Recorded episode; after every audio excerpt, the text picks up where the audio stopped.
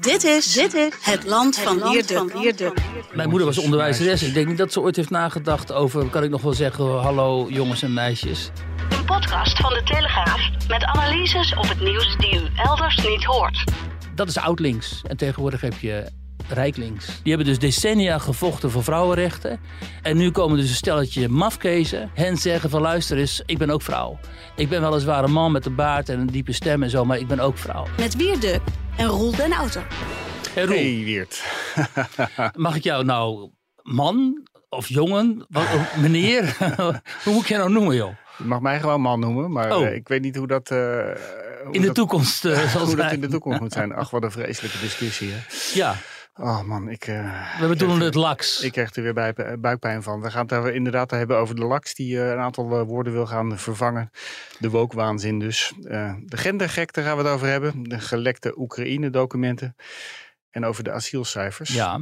Maar ik wou eerst eventjes zeggen, jou complimenteren met die mooie podcast van vorige week. Met Rafi Blom. Oh, dankjewel, ja. Dat was, dat was echt een, eh, ik vond het een ontroerend en een hoopgevend verhaal van Rafi Blom. Kun je nog even kort samenvatten wat het gesprek precies was? Nou ja, Raffi is eh, dus, eh, komt uit Haiti oorspronkelijk. Die leeft, zij leeft daar eigenlijk in de goot met haar zusjes en broers. Want haar vader was weg en haar moeder was, liet het helemaal afweten.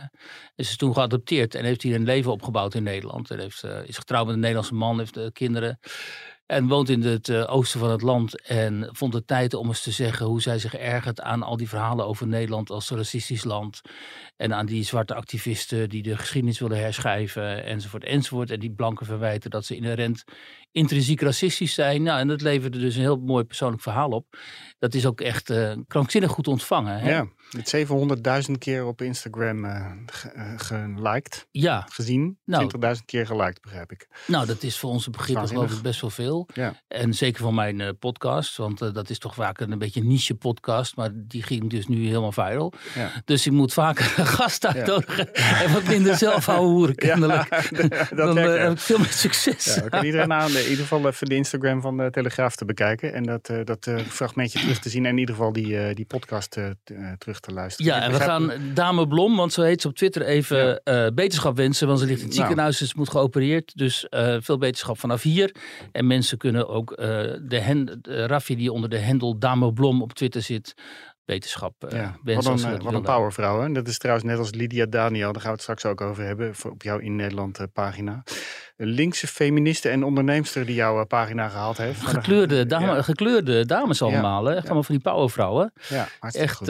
Lydia ook, uh, hyper intelligent en heeft een heel goed verhaal. Daar gaan we het zo meteen over hebben. Dus nee, daar ben ik heel blij mee dat die mensen, of dat, die men, dat deze dames, eh, vrouwen, want eh, ze identificeren zichzelf heel duidelijk als vrouw ook. Hoewel het tegenwoordig heel heikel is als je dat doet. Ja. Maar deze powervrouwen, dat die van zich laten horen in onze krant, dat vind ik echt eh, super. Ja, maar we beginnen met de woke-waanzin. Hè? Vandaag in de Telegraaf een, een commentaar, dagelijks commentaar van de hoofdredactie. Met de kop in, indoctrinatie.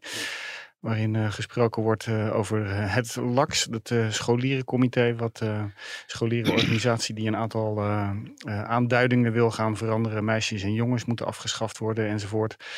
We moeten wel, hè, we moeten hier wel onderscheiden. Kijk, dat LAX, dat is natuurlijk gewoon een scholierencomité. We weten allemaal nog, ja, Ja. misschien heel veel mensen niet, maar ik wel, dat Siewert van Linden daar de voorzitter van was. Dat was toen een broekie van zee 16 of zo, met een hele grote mond. En eh, als je die foto ziet met van... hem is. Ja, precies. En als je die foto ziet van Siewert destijds, is het gewoon nog een kind. Hè?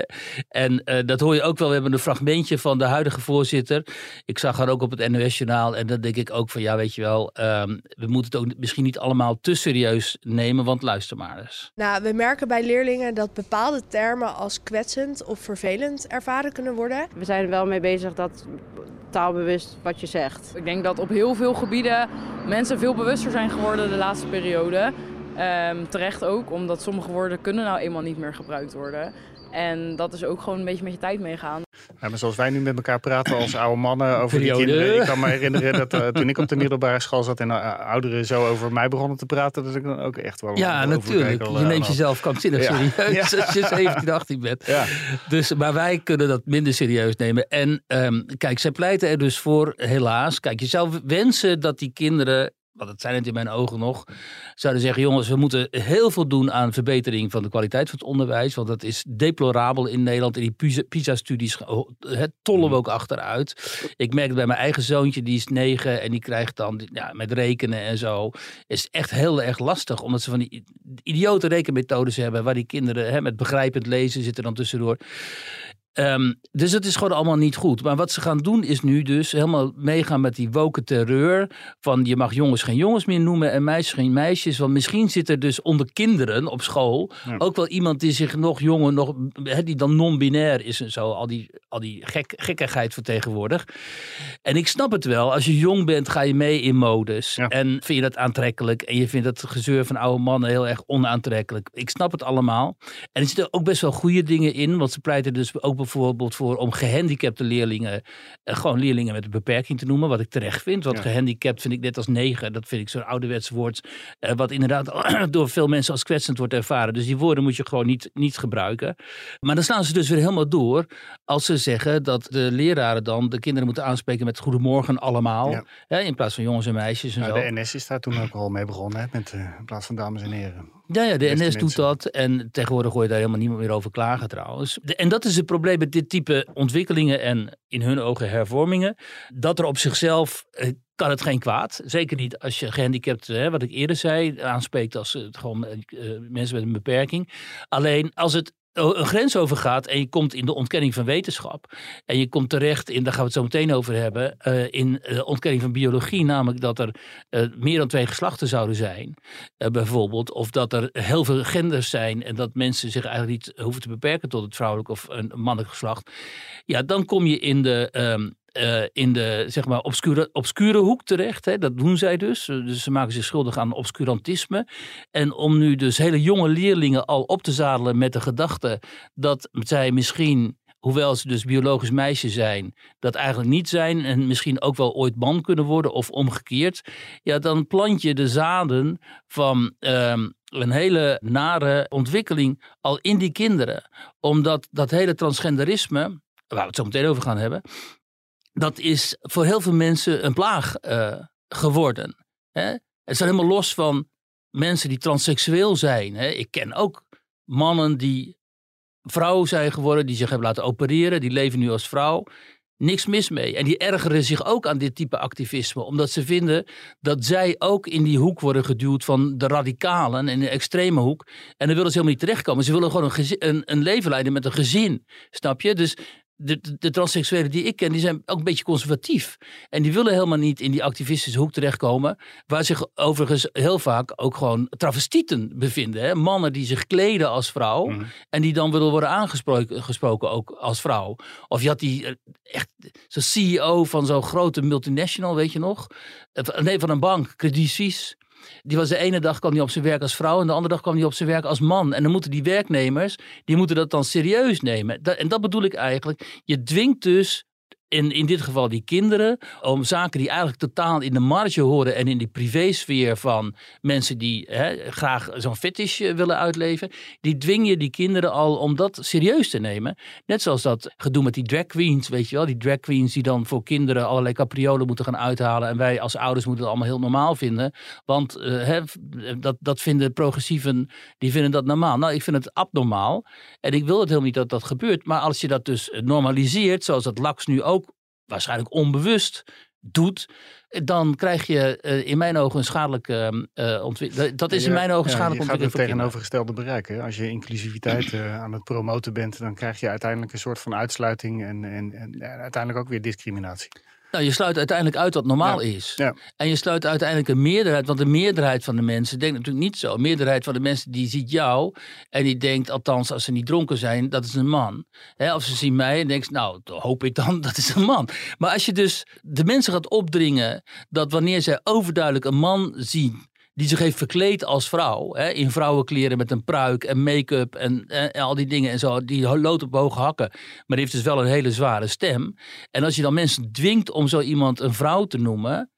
Uh, dan kom je ook in de, in, de, in de sfeer van de terreur natuurlijk. Omdat je dan, uh, net zoals in, onder het communisme en in hè, 1984 van Orwell is een mooi voorbeeld van. Zeg, ja. Is te dwingen uh, met taal te liegen tegen zichzelf. Dan is oorlog opeens vrede, snap je? Dat is de culturele revolutie in China. Ja, dit is dus. Uh, en, nou ja, en kijk, dat Laks weet dat helemaal niet. Wat, wat weet, hè, maar dit is onderdeel van die cultuuroorlog die woedt op dit moment. Hè. En, en, zij zijn zich dat niet bewust, maar het is wel zo. En de transgenders, vreemd genoeg, en dat vind ik echt fascinerend hoe dat heeft kunnen ontstaan, die zijn in die cultuuroorlog de frontsoldaten geworden. Dus zij zijn zowel degene, ook letterlijk, hè, want ze zijn dus in de Verenigde Staten, die radicale transgenders, hyper agressief. Hè.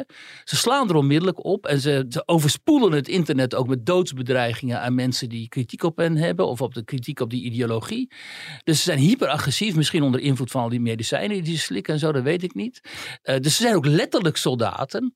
En de liberals de progressieven zeg maar, hè, wat, wat zich hier bij GroenLinks en D66 en zo ophoudt, trouwens ook wel in de VVD en zo, die allemaal denken dat ze heel goed doen door deze mensen te steunen en die geen idee hebben dat er binnen die transgender community ook heel groot onderscheid is tussen gewoon daadwerkelijk transseksuelen en radicale activisten, die uh, gebruiken hen als hun soldaten ook letterlijk om van alles door te beuken in de samenleving. Al hun links-extreem progressieve opvattingen die moeten worden doorgebeukt. En daar is het LAX natuurlijk een heel klein radertje van.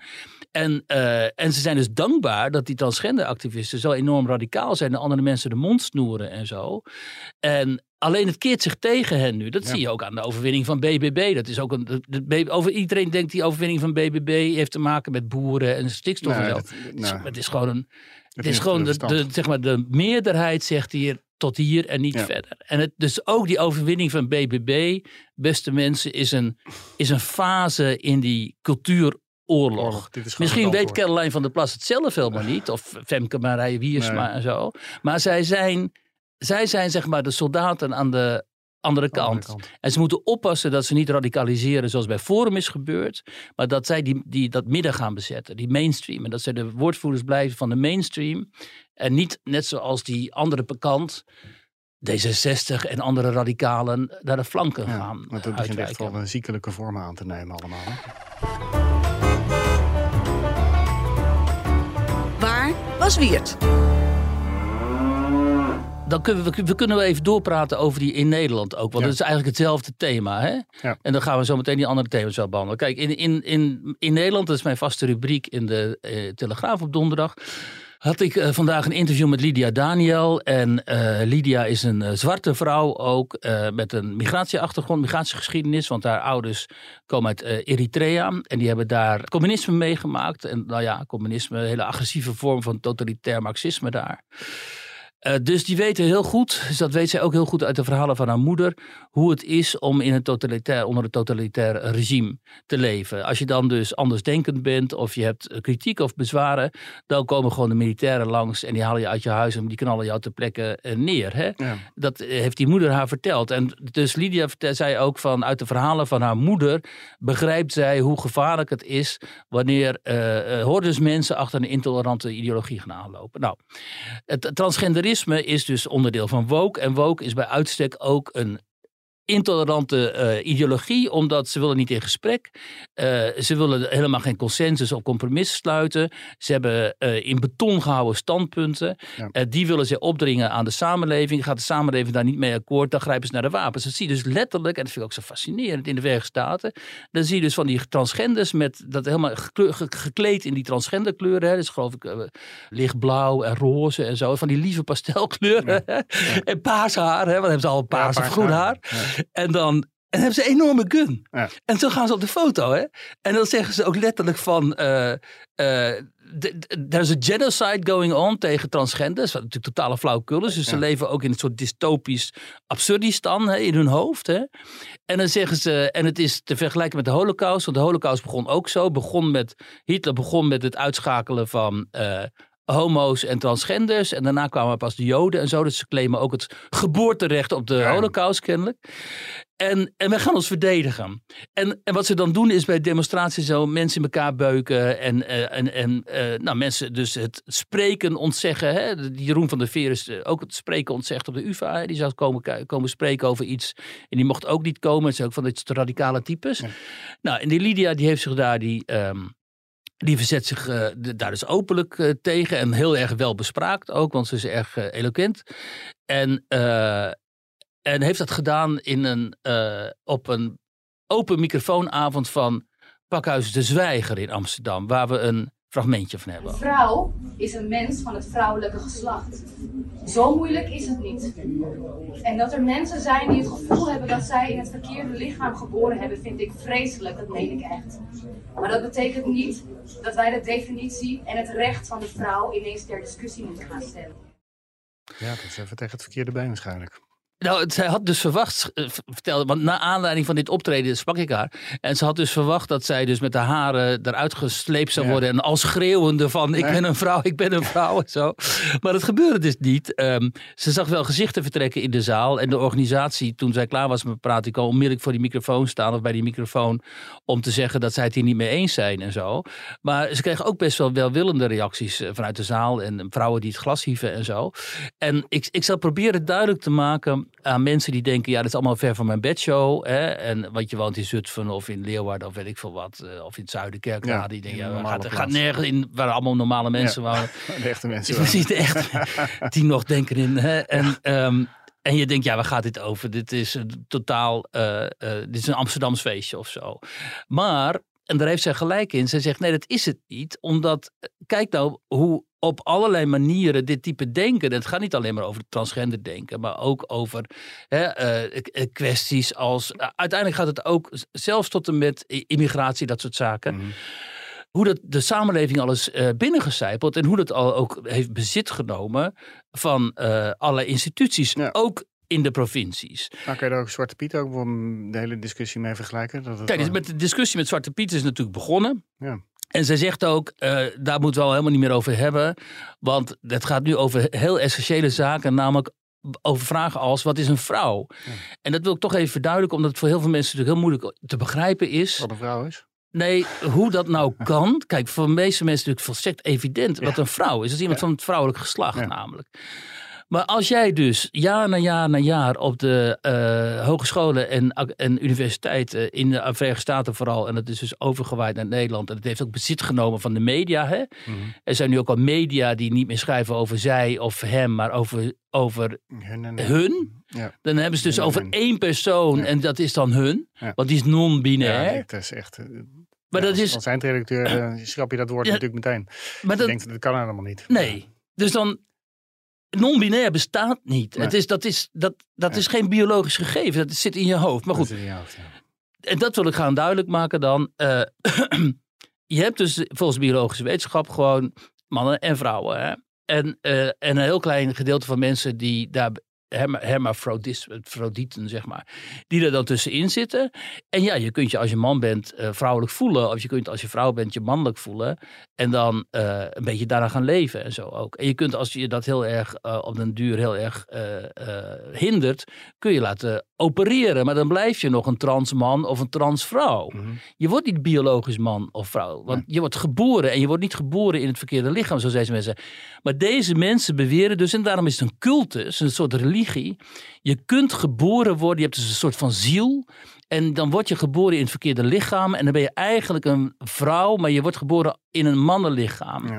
En dan, maar als je dan die vrouwen kleren aantrekt en je gaat je vrouwelijk gedragen en je trekt heels aan en, eh, en je zegt dat je vrouw bent, dan ben je vrouw.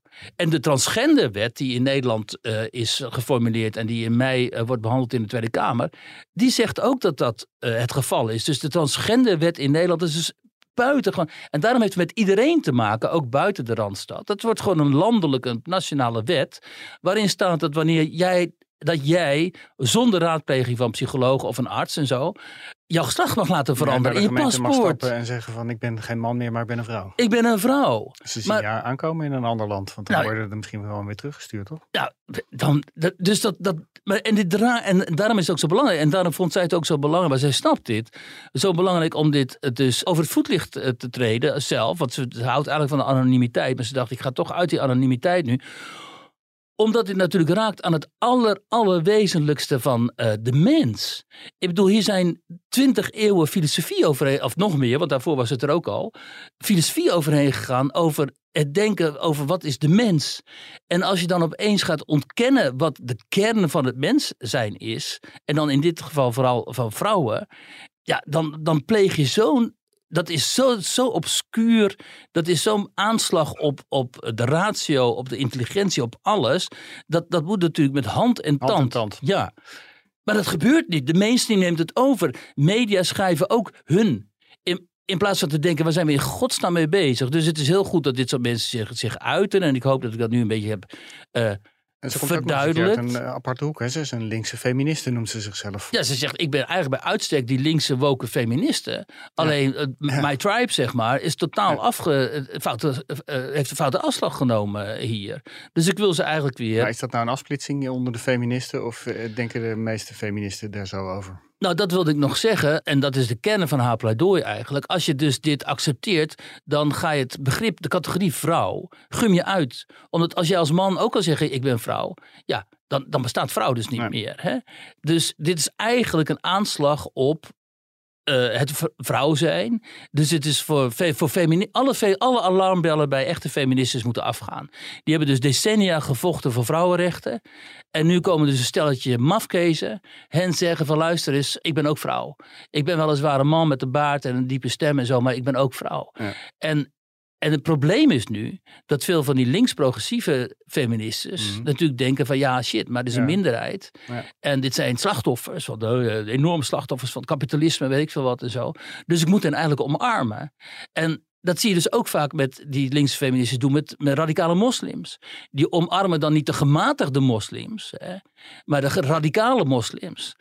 Eigenlijk hun aardsvijand. Want wie is nou de aardsvijand van de linkse feminist, progressieve feminist? Dat is de, de orthodox, orthodoxe man. En de orthodox-islamitische man bij uitstek. Want die onderdrukt vrouwen. Ja. En deze radicale transgenderactivisten onderdrukken ook vrouwen. Maar ja, dat zien die linkse feministes weer niet. En dan gaan ze hen omarmen. En dan heb, heb je dus, om dit af te ronden, mensen zoals zo Lydia nodig. Maar er zijn er meer. Hè. De, de, ehm, er zijn ook meer linkse, eh, progressieve vrouwen die zich in het debat mengen. En aan haar zijde gaan staan. Dan heb je hen nodig, omdat ze de, intelligentie hebben. En de moed om te zeggen: ja, jongens, dit, dit, dit is, we, zijn nu, we zijn nu zo afgedreven. eh, van waar het feminisme ooit voor stond. Eh, hier moeten we, dit moeten we een halt toe roepen. En we moeten vooral deze mannen, eh, die agressieve mannen, die moeten we een, een halt toe roepen en een stopwoord eh Wat plaatsen. zijn wij toch heerlijk simpel opgevoed in tijden dat alles overzichtelijk was. Je had mannen en vrouwen. Mijn moeder was onderwijzeres. meisjes. Ik denk niet dat ze ooit heeft nagedacht over, kan ik nog wel zeggen, hallo jongens en meisjes. Ik en, begin eh, steeds meer te begrijpen dat mensen naar het platteland gaan. reizen. Ja, dat ja, heb je al dat allemaal niet. ik woon ook zelf ook in de Randstad, maar dan denk je, oh, oh, oh, oh, oh. Als je gewoon op zo'n schootje Friesland of zo, weet je wel, je kinderen hebt zitten, dat is toch wel veel fijner. Ja, maar, Maar, ja, goed, eh, maakt het mee met je eigen zoontje van negen. Dat je, eh, wordt dat op die scholen ook al gepropageerd? Nee, daar valt het best mee, maar dat, dat, dat valt nog wel mee. Alleen, Het blijft eh, natuurlijk een soort van kleine voorhoede hè, die dit eh, roept. Maar altijd met het gevaar dat het doorcijpelt. Ja, en ik zie wel, kijk, op die lagere scholen, of die basisschool heet het dan. Ik denk wel eh, ehm, dat het daar meevalt, omdat die, dat, eh, die hebben wel andere problemen aan hun hoofd. Vooral, dit is volgens mij vooral een probleem van hogere scholen en vooral universiteiten natuurlijk. Hè. Die zijn helemaal geïnfiltreerd door dit soort denken. Je, ik lees ook heel vaak columns dan van, van zo'n wetenschapster. Dat zijn altijd van die promovendi en dat is dan vaak dames van begin dertig en zo. En die schrijven Ja. dan columns. Er is geen touw aan vast te knopen. Dat je helemaal dat jargon op onze- Op, overgenomen. op mijn, eh, jouw kosten gestudeerd allemaal. eh. Ja, ja, ja. Stuurde ik jou van de week ook niet zo'n column van de- zo'n mevrouw in NSC.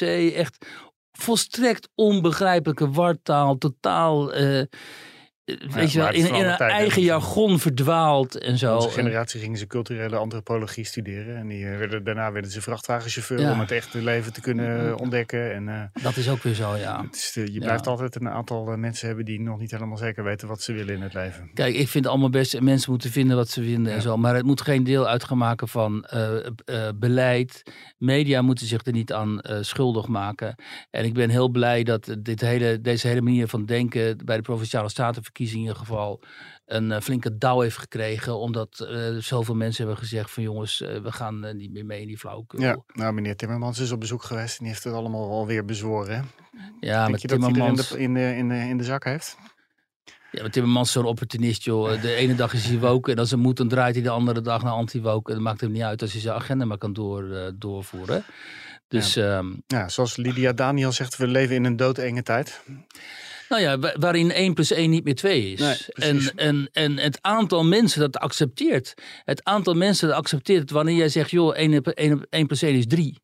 En dat zegt, oké, okay, er zit wat in. Ja. Of ik wil daar wel in meegaan, gewoon Ja. om de lieve vrede. Of Ja, om, omdat ik mensen niet wil beledigen of kwetsen en Maar zo. die, die hele groep heeft ook vleugels gekregen in die coronatijd. Hè? Met, eh, zit nee, dat zijn niet de wappies dit. Nu Nee. vergis je, deze groep, eh, nee, die wappies die verzetten zich hier juist. ja, maar die wilden ook niks aannemen als waar. Ja, Als maar die en zijn dan weer helemaal, die, omdat ze dus geconfronteerd werden met dit type totalitair denken, zijn ze helemaal doorgeslagen. Naar de andere kant zijn ze gaan denken, alles is een complot. Ja, ja. Hè? Want die, die, die accepteren dit niet en die accepteren die gekte niet. Alleen zijn zij gaan denken, ja, maar er zit dus, het World Economic Forum zit hierachter. Ja. Het World Economic Forum is woke. En wij moeten nu allemaal woke worden. Dus het World Economic Forum is een complot. En ook Rutte en zo zit er allemaal in. Kijk, dat is de fout die ze maken. Het komt niet van de wereld. Het komt uit die academisch, academische wereld in de Verenigde Staten. En het heeft zijn oorsprong in eh, die gekte van die Franse eh, filosofen. Goed, dat weet ik toevallig allemaal, omdat ik ook filosofie heb gestudeerd als, als bijvak dan. Ook zo'n Ehm, pretstudie. eh. Eh, ook zo'n pretstudie. Maar, maar daar komt het vandaan. Dus we moeten wel de definities helder hebben. Het, het probleem is nu juist niet die wappies in dit geval. Het probleem is gewoon het gemiddelde D66-Kamerlid. Die denkt dit. Die denkt... Ik bedoel, er zit letterlijk een transvrouw voor D66 in de Tweede Kamer. eh, die die transgenderwet heeft geïnitieerd ook. En dat vind ik prima als zij daar, hè, want ze is een man eigenlijk, als zij daar zit als vrouw, vind ik allemaal prima. Maar als zij, en dat bedoel ik, zij, ehm, zij gaat dus voor Nederland en de Nederlanders eh, via die transgenderwet, zeg maar, een bepaalde politieke ideologie doordrijven. En dan kom ik eh, in verzet. Maar voorlopig moet de Eerste Kamer er ook nog mee instemmen. Ja, ik weet, ja die tweede, hij wordt ook pas in de Tweede Kamer in mei behandeld, eh, ja, geloof dus ik. het, is het nog geen gelopen zaak volgens mij. als hij dan inderdaad in een nieuwe Eerste Kamer zou moeten worden behandeld, dan vraag ik me af hoe, hoe, hoe dat eruit gaat zien. Dat, eh, Het ja, zou zomaar kunnen. maar dan moet ik de parlementaire redactie maar eens vragen. Maar goed, Maar genoeg hierover. Dat het een vreselijke tijd is, dat blijkt ook wel weer uit de laatste cijfers van de asielinstroom in Nederland. Eerdere verwachting was dat dit jaar ruim 50.000 asielzoekers naar Nederland zullen komen. En de verwachting is nu dat het er dit jaar zo'n 67.000 zullen zijn. En dat is dan nog wat ze noemen het gematigde scenario. Maximaal zou het om circa 76.000 asielzoekers kunnen gaan dit jaar. En dat is allemaal nog zonder de vluchtelingen uit Oekraïne. Vreselijk in de zin van eh, dat er, eh, ik geloof dat er een, een derde meer of de helft meer eh, asielzoekers zijn er weer aangekomen. Heb je het cijfer paraat? 75 nog wat? Volgens mij was het 56.000 eh, was het en dat werd iets van 70.000. Maar ik heb Ja, boven de helemaal, 70.000. Ja, komt boven de uit. 70.000. Ja. Stad als Dus we Lelystad. gaan in de stad als Le Nou ja, dat werd gezegd, maar Lelystad heeft volgens mij wel een stuk meer inwoners hoor. Maar misschien qua oppervlakte. Maar eh, volgens mij heeft Lelystad wel eh, eh, 200.000 inwoners. Dus ik, Nee, dan zou ze groter zijn dan Groningen. Maar ik denk wat het Lelystad in ieder geval rond de 100.000. eh, min- Zullen we eens kijken? Dat is ook wel leuk om onze, on- on- onze enorm gebrek aan kennis hier even te, te, etaleren. ja. Over eh, Lelystad. Even kijken hoor. Ja, dit, dit duurt dus even dan, want ik ben aan het zoeken. Namelijk, ik weet wel de, de gemiddelde WOZ-waarde daar eh, nu. Nou, we komen er zo meteen op terug. Jezus. Misschien kan hij het even opzoeken. Ja, moet hij maar inwoners even. van, Hein, de eh, producer, gaat even zoeken. Ja, precies. Ja. Maar in ieder geval een enorme aantal. We hebben vorige week een verhaal in de krant gehad dat er eh, allerlei eh, Oekraïne-dorpen uit de grond worden gestampt. En in de, in de periferie worden meteen ook allemaal eenheden gebouwd voor asielzoekers. Dat gaat nu met een paar duizenden tegelijk in, per maand. Hein, je hebt het gevonden inmiddels. Hoeveel zijn het er? Oh, 83. Nou, kijk. kijk. Jij Oh, 200. Ik oh, dacht 200.000. oh, jij komt zo schat- uit de Ik Randstad. schat Lelystad veel groter in. Ik meen dat eh, Groningen... De, jouw eigen Leiden heeft niet eens 200.000. nee, zeker niet. Dat moeten we ook zo houden. ja. Eh, maar ehm, Ja, het is een er wordt, er wordt wel gebouwd, ja. maar echt veel en veel te weinig. En als je dan ziet dat die aantallen weer zo gigantisch aan het stijgen zijn, dat is echt wel verontrustend. Ja, we zitten natuurlijk zwaar in een asielcrisis en Ja. in een, of in een vlucht, nou ja, in een immigratie- en huisvestingscrisis. Kijk, toen ik hier naartoe ging, toen dacht ik, wat kan ik hier nou nog over zeggen? Hè? Want het is zo grotesk zo langzamerhand. Dat er zo lang gewaarschuwd is, ook door demografen als Jan Latte en Jan van der Beek. Elke keer weer een nieuw stuk, weer een nieuw interview. En telkens werden ze weggehoond. Jan Latte dan iets minder, want die kwam dan uit de CBS, meen ik. Hè? Of is, welke, ja, CBS. En, maar Jan van der Beek, hoor, die werd altijd weggehoond. Racist, extreem rechts en zo. Want die, had, die was een freelance, dus die kon je makkelijker onderuit halen. Nou ja, nee, die kon je makkelijker aanvallen. Net zoals het zo makkelijk is om mij aan te vallen. En ze kregen zo ontstellend gelijk. En Jan Latte, bijna radeloos, zegt hij nu al jaren, doe in godsnaam iets aan die bevolkingspolitiek. Ja. Want Nederland komt, wordt veel te vol. En Ja. ik meen dat de cijfers die hij destijds, een aantal jaren geleden hier in de krant poneerde, voor 2030, hè, toen had hij iets over dat er dan 20 miljoen mensen zouden zijn of zo. Of volgens mij zei hij 18 miljoen. Nou, daar, zit- daar zitten we nu dus al. Ja, al richting de 20 in ieder geval. Ja. Ja, want ik heb die cijfers toen even bijgehaald. We, ze, ze gingen uit dit jaar van eh 50.600 asielzoekers. Dat zijn er, eh, komt dat waarschijnlijk uit op 67.000. En ehm, eh, we gaan waarschijnlijk 76.000 gaan we op uitkomen. Dus dat is eh 20.000. Dat is bijna een stad als 25.000. Lelystad. Ja, 25 vijf- bij 25.000 meer dan dat ze hadden verwacht. En dat is nog exclusief de Oekraïners. Hè. Dat zijn natuurlijk ook nog 90.000 of zo in Nederland. En we hebben geen woningen. En we hebben geen woningen. Ja, want en dat al de man- hele woningbouw ligt stil.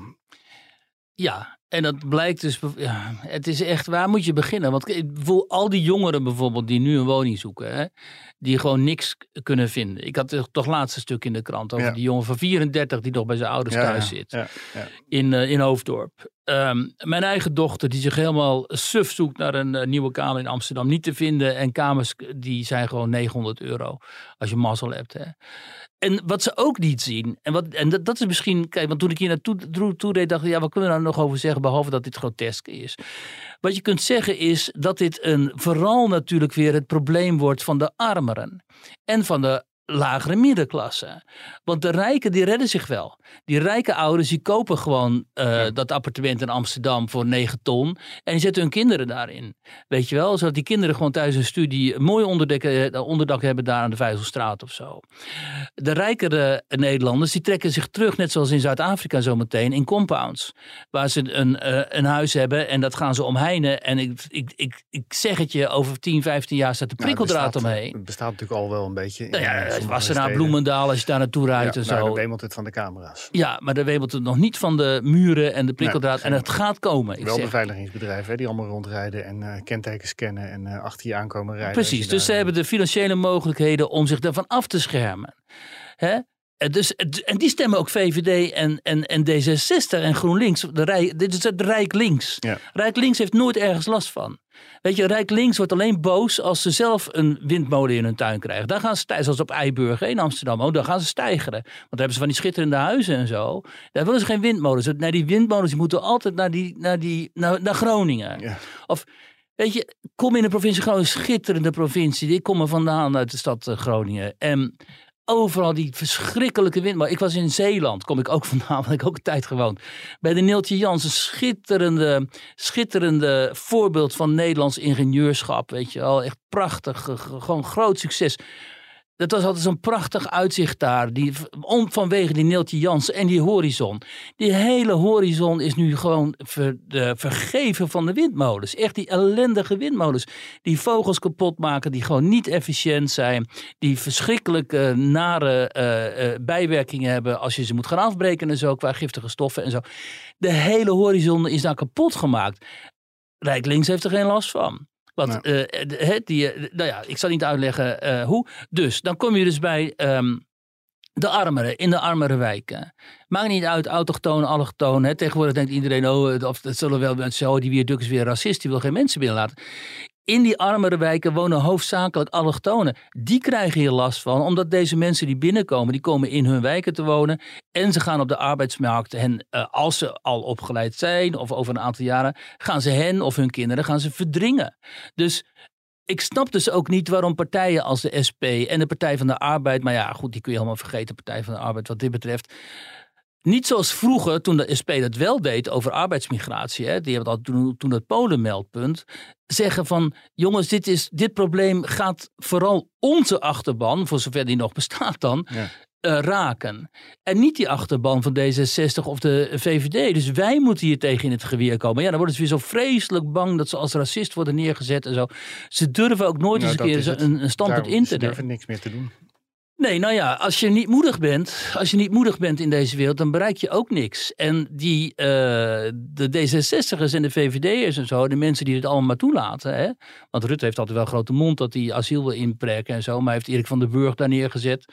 Nou, die is een sympathisant gewoon met massa-immigratie. Heeft hij ook ooit zelf letterlijk gezegd. Amsterdam moet gewoon zoveel mogelijk immigranten binnenlaten. Eh, als je deze mensen. Kijk, deze mensen hebben wel de moed om dit te zeggen. Erik van den Burg. ehm, die heeft wel de moed gehad, in zijn ogen dan, want hij vindt het waarschijnlijk heel moedig, om te zeggen: Amsterdam heeft meer immigratie nodig. Als jij dan niet de moed hebt als linkse partij om te zeggen: dat kun je allemaal wel vinden, maar dan stop je ze of in Oud-Zuid of op Eiburg, maar niet in die oude wijken. Ja. Als je dat niet durft te zeggen, als je maar één of twee mannen, meestal mannen in je partij hebt die dat zeggen en de rest houdt zijn mond, of de rest sympathiseert met ditzelfde standpunt van Van den Burg, ja, dan ben je verloren gewoon. En dan is ook jouw achterban uiteindelijk verloren, want ehm, hoe dan ook gaat het voor hen eh, echt hele ingrijpende sociaal-economische eh, gevolgen hebben. En ook cultureel, dat hebben we ook gezien. Want de grote problemen waarmee, waarmee wij in dit land te maken hebben, en dan vooral de, de drugscriminaliteit, die komt ook, en daar moet je ook gewoon eerlijk in zijn, eh, voor het overgrote deel uit de allochtone hoek. En dan Ja. vooral de Marokkaanse hoek. Je gaat eh, misschien de Zweedse toestanden krijgen met de achterbuurten waar... eh, Nou, in Duitsland heb je dat al. Hè? In Duitsland heb je al hele wijken die in handen zijn van Libanezen en Koerden en noem maar op Ja. en zo. En die eh, vreselijk naïeve Zweden die ook zei van, zeiden Ja. van laat de hele wereld maar binnenkomen. Die zitten nu met hetzelfde probleem. En wij hebben gewoon de mokromafia. Dus Ja. we hebben het gewoon, dat zijn allemaal zelf gecreëerde, gecreëerde problemen. Omdat, eh, en het is niet alleen links, hè? want mensen zeggen altijd, oh links Den Uyl en zo. Den Uyl was tegen immigratie. Den Uyl begreep dit wel. Den Uyl was tegen arbeidsmigratie, omdat hij wist dat zijn arbeidersachterban verdrongen zou worden. De SP was tegen arbeidsmigratie, want die zeiden ook, onze mensen worden verdrongen op de arbeidsmarkt. Het waren de werkgevers en de VVD die zeiden, kom maar binnen. Die ook de gezinshereniging hebben mogelijk gemaakt, samen met de Christen-Democraten. En uiteindelijk ging links ook vanuit het slachtofferdenken en zo sympathiseren daarmee. Maar aanvankelijk was links, en dat moet wel eens een keer gezegd worden en duidelijk zijn, was hier helemaal geen, eh, geen voorstander van. En dat is oud links. En tegenwoordig heb je rijk links. Precies. En die standpunten worden nu gewoon verwoord door de partijen aan de rechterkant over het De algemeen. VV PVV heeft al die arbeids overgenomen natuurlijk. Eh, De Boerenpartij gaat dat nu doen. En mensen die dit zeggen, zoals ik, die zijn dan... eh, Ja, die BBB heb ik, heb ik eigenlijk niet zo op mijn netvlies wat die van woningbouw vinden. Want die hebben wel altijd geroepen van tevoren van we willen niet dat alle weilanden worden volgebouwd. ja. Want dat is het eh, doel van... eh, Nou ja, alle partijen willen natuurlijk woningbouw. Ik bedoel, Ja, er moet ook woningbouw komen. moeten Maar- 900.000 huizen gaan bouwen geloof ik. Ja, maar belangrijk is wel of, of er eindelijk eens een keer een coalitie komt die durft te zeggen, zoals bijvoorbeeld Orbán in Hongarije, van eh, jongens, eh, wij gaan die grenzen nu echt dicht doen. En het is allemaal wel wat Brussel wil. En Brussel zegt, we stoppen gewoon met die, Ja. we kunnen er niet meer aan. Dat eh, zou inderdaad eens een keer gezegd moeten worden. Durven ze niet. Nee, want eh, we zitten natuurlijk ook nog, eh, we hebben 90.000 eh, Oekraïners welkom geheten hier in, in ons land. Die zitten hier nu al ruim een Ik zal je jaar. een voorbeeld geven van de Oekraïners. Hè. Mijn familie in, ik heb familie in Berlijn, maar schoonfamilie en die Russisch, Russisch, Duits inmiddels. En die hebben familie uit Oekraïnse, nou, dat zijn allemaal gemengde families. Ja. Dat weten mensen vaak ook niet. Heel veel Oekraïners, Russen zijn onderling getrouwd. Deze familie ook, die had Russische eh, of Oekraïense eh, eh, familie in Kiev. En daarvan zijn, is de moeder en de kinderen gevlucht naar Berlijn. En die hebben nu de hele oorlog bij mijn familie in Berlijn, zeg maar, gewoond. Eh, zijn onderhouden door de Duitse staat. Eh, kregen dus gewoon eh, maandelijks geld van de Duitse staat. Die kinderen zijn in Berlijn op school gegaan. Die zitten nu in Berlijn op school. En ze hebben nu, ik, dit is puur verdringing. Ik, die hebben nu dus, nu dit, as we speak, zijn ze aan het verhuizen naar een ander appartement. Dat ze dus hebben gekregen van de stad Berlijn. Waar zij als vluchtelingen recht op hebben. Mhm. En dan komen ze in een, twee, eh, in een driekamer appartement. die, die dame met haar twee kinderen. Niks mis mee, hè, op zichzelf. Alleen, heel veel Duitsers zeggen natuurlijk, wacht even. Eh, ze komen uit Kiev. Nou, in Kiev zijn de Ja. cafés gewoon open. Ja. Hè? En dan kun je, af en toe valt er een bom, maar heel veel te vre- vrezen heb je niet. Hun man, haar man, echtgenoot, zit nog daar in Kiev. Die daar zegt, waarom? En, en, en nu gaan ze hier in Berlijn blijven, op kosten van de staat. Want alles wordt voor hen betaald. Ehm, en die vrouw die zegt ook, ja, ik krijg hier veel meer geld dan dat we in, in Kiev hadden. Ik ga niet meer weg. Ja. Ik blijf hier. Nou. we, hadden, ja, we hadden vorige week dat verhaal over uh, Oekraïne-dorpen die ze hier in Nederland aan het bouwen zijn. En uh, de, de staat betaalt de huur en de gemeente die draait op voor de uh, stroom en voor, de, voor het gas. En dat allemaal onder het mom van ja, dit moeten we wel regelen voor die mensen. Anders krijgen ze normale rechten zoals een huurder ook heeft. En dan moeten we ze straks een echte huurwoning gaan geven. Ja. Echte tussen aanhalingstekens. Hoe is dit rechtvaardig? Ja, dit is, dit, wordt, dit is natuurlijk niet uit te leggen. Een heleboel mensen zullen zeggen, ja, hallo. En want die mensen kunnen ook gewoon werken hier in Nederland, die Oekraïners. Dus dan heb je een gratis huis en gratis stroom en licht. En Ik sprak hebt- een bevriende eh, arbeids, eh, een, een, zeg maar, goede kennis van mij. die heeft een, zo'n arbeidsbemiddelingsbureau uit zijn bureau. En die werkte, werkt heel veel met Polen en eh, Roemenen en zo. En die ziet nu dus de Oekraïners binnenkomen. En die zegt, we creëren precies hetzelfde probleem als met eh, de Polen en met de Roemenen en zo. En het interessante, zegt ze aan die Oekraïners, is dat ze vaak werk weigeren. Omdat als ze werk gaan krijgen, dan krijgen ze minder geld dan wat ze nu krijgen van de staat. ja. Want dan moeten ze opeens hun eigen huur gaan betalen, weet ik veel. Maar dan hebben ze dus gewoon zeggen, ja, ik hou daar netto minder over, dus ga ik niet doen. Nou, leg het uit aan die belastingbetaler van wie het kind nog van van 34 op de bank zit. Hè? Die familie, nog als laatste, omdat ik hier zo boos over ben. Die familie in Hoofddorp, die man was timmerman.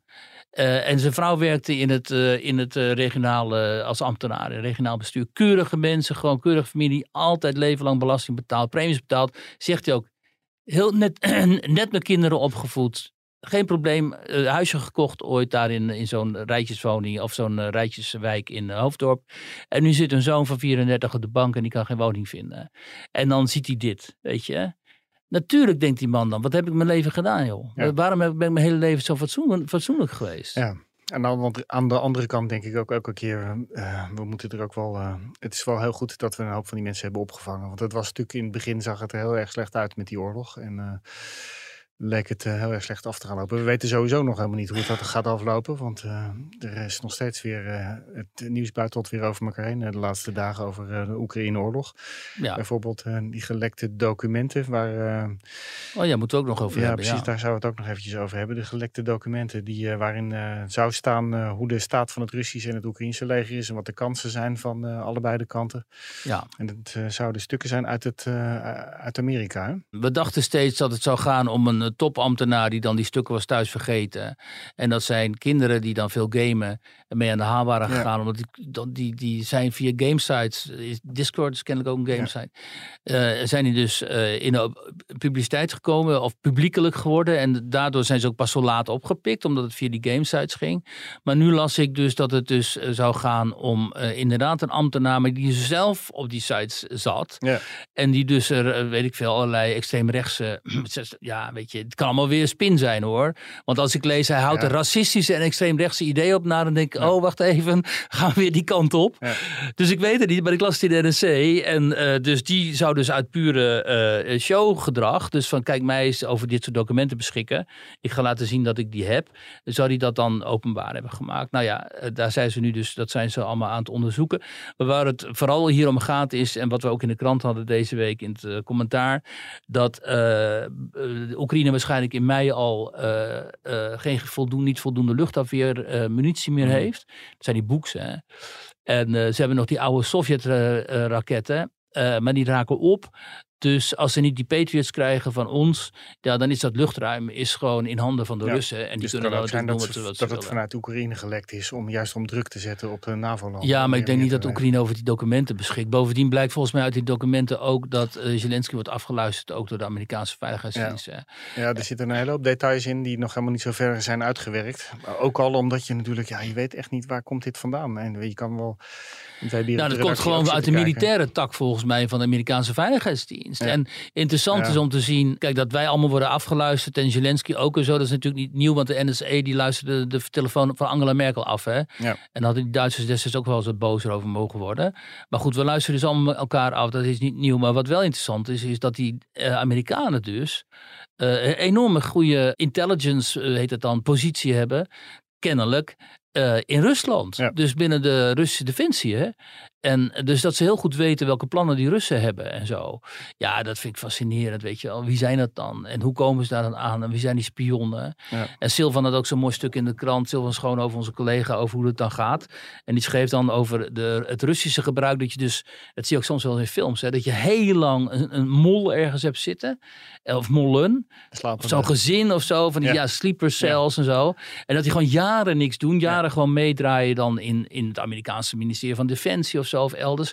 En pas op het moment dat ze echt weten van dit is informatie die het waard is om die hele operatie in gevaar te brengen, dan treden ze naar buiten, weet je wel. Of dan brengen ze die informatie eh, naar buiten. En dat is natuurlijk echt... Ja, dat zie je soms wel in films natuurlijk. Hè. Dan doen ze tien jaar niks en opeens boem, weet je. Ja. Ja, toen jij correspondent was in Rusland, toen... eh, Toen moest ik af en toe op de dat ambassade eh, komen ja. om te vertellen over mijn reizen naar Tsjetsjenië. Want ik kon ze zelf niet naartoe. Nee. En dan ging ik naar Tsjetsjenië en dan, dan eh, gingen ze mij die brieven, zeg maar. En ja, dat, maar ik- je, kan, ja, je kan nu natuurlijk veel meer dan toen. Toen was je heel erg afhankelijk van inderdaad van menselijke informatie. Maar je kan nu zoveel meer afluisteren, denk ik. En meer ja, bekijken met satellietbeelden. Ze kunnen elke soldaat die zich verplaatst wordt, kunnen ze zien. Ja, op de vierkante centimeter kunnen ze die kijken. drones, hè. ja, dat zie je ook in Oekraïne natuurlijk. Die drones die dan die, eh, die, die granaten, die bommen laten vallen en zo in die loopgraven. Ja. Dus je gewoon een paar van die Russen die er zitten en doef. Ja. En dan, dan maar ik zijn begrijp ze- dat, dat eh, die zijn inmiddels ook niet meer bruikbaar. Omdat er, die Russen nu tegenwoordig weer betere jammers hebben. Dat zijn die dingen die die, Oh ja. die, die, die signalen verstoren tussen degene die de drone bestuurt. Waardoor die eh, drones onbestuurbaar worden. Ja, kijk, het feit dat wij hier al over praten en op, op de sociale media zie je ook allemaal van die, eh die wapenfetischisten die dan Ja. al die nummers kennen en die types en zo zeggen, oh kijk, hier heb je dat type en hier dat. Dan denk je, het is toch ook waanzinnig als je ook dan, dan, dan lanceren ze weer zo'n filmpje van zo'n drone. En dan staan ze allemaal te klappen en zo. Oh, look at this drone en zo. Geweldig en zo. En dan liggen dan dus wel Ja, gewoon mannen te creperen in zo'n ja, loopgraven. Hè? ja. Met een arm eraf of een been eraf. Weet je wel. En die gaan daar gewoon in gruwelijke pijn gaan ze, gaan ze daar sterven. Hè? Ja. ik vind het altijd lastig om te beoordelen wat nou echt propaganda is. Maar dat verhaal wat weer laatst was, dat die, al die, die Wagner-soldaten in een massagraven gegooid worden om te voorkomen dat die Russen vergoeding hoeven te betalen aan nabestaanden. Nou, dat is wel waar hoor. Ja. Ja. Nee, maar dat, in Rusland is dat zo gebruikelijk. Dan, Het is echt wel, Ja, weet je, ja. dat is echt wel next level, zou ik bijna zeggen. ja, maar dat is, was al ten tijde van de Sovjet-Unie zo. Die oorlog in Afghanistan en zo. Le- Mensenlevens is voor Russen helemaal niks waard. Nee. En hoe daar wordt omgegaan ook met de dood. Ik ben een keer als afsluiting dan. Tijdens de Tsjetsjeense oorlog had je het Minutkaplein. Dat was een soort Bakhmut. Dat Minutkaplein, dat was zwaar, zwaar, zwaar bevochten. En uiteindelijk wonnen dus die eh Tsjetsjenen dat. En ik kwam daar in de zomer, als bloedheet, toen kwam ik daar. En we reden over dat, eh, dat, dat plein. En er lag, lagen nog een paar Russische lijken, zeg maar. Want die Russen die ruimden hun eh, lijken niet op. Of die namen ze niet mee, doen ze nu ook niet, schijnt het. Hè? Nee. En die Tsjetsjenen, die hadden zoiets van, oh, laat maar liggen, weet je wel. En, eh, en we waren, ik denk, drie, drie dagen of zo in Grozny aan het werk. En toen reden we terug weer over dat Minutkaplein. Lagen die lijken er nog. Weet je, totaal gewoon, weet je, kent het wel, helemaal vergeeld, helemaal eh, stinken ook als je in de buurt komt. De stank van een lijk, ik weet niet of je dat kent, maar het is echt afgrijs. Daarom zie je die mensen ook altijd hun neus Ja. dicht. Het is he- echt heel erg. En dan denk je, dat zijn Russische jongens. Weet je, Die hebben hun- moeders en vaders. Ja. En die Tsjetsjenen kijken er niet naar om, want die denken, Nee. ja, die, hè? en de Russen halen ze niet op, weet je. Dan denk je, Omdat ze niet Af- willen betalen aan nabestaanden. ja, Dan afgrijselijk ben je toch. missed in action en dan... eh, Waar ben je dan terechtgekomen? Ja, Ja, het is echt vreselijk. ja. Nou ja, laten we volgende week eh, hopen dat we iets eh, positiefs ook te melden hebben. Ik spreek jou volgende week weer. Daarom.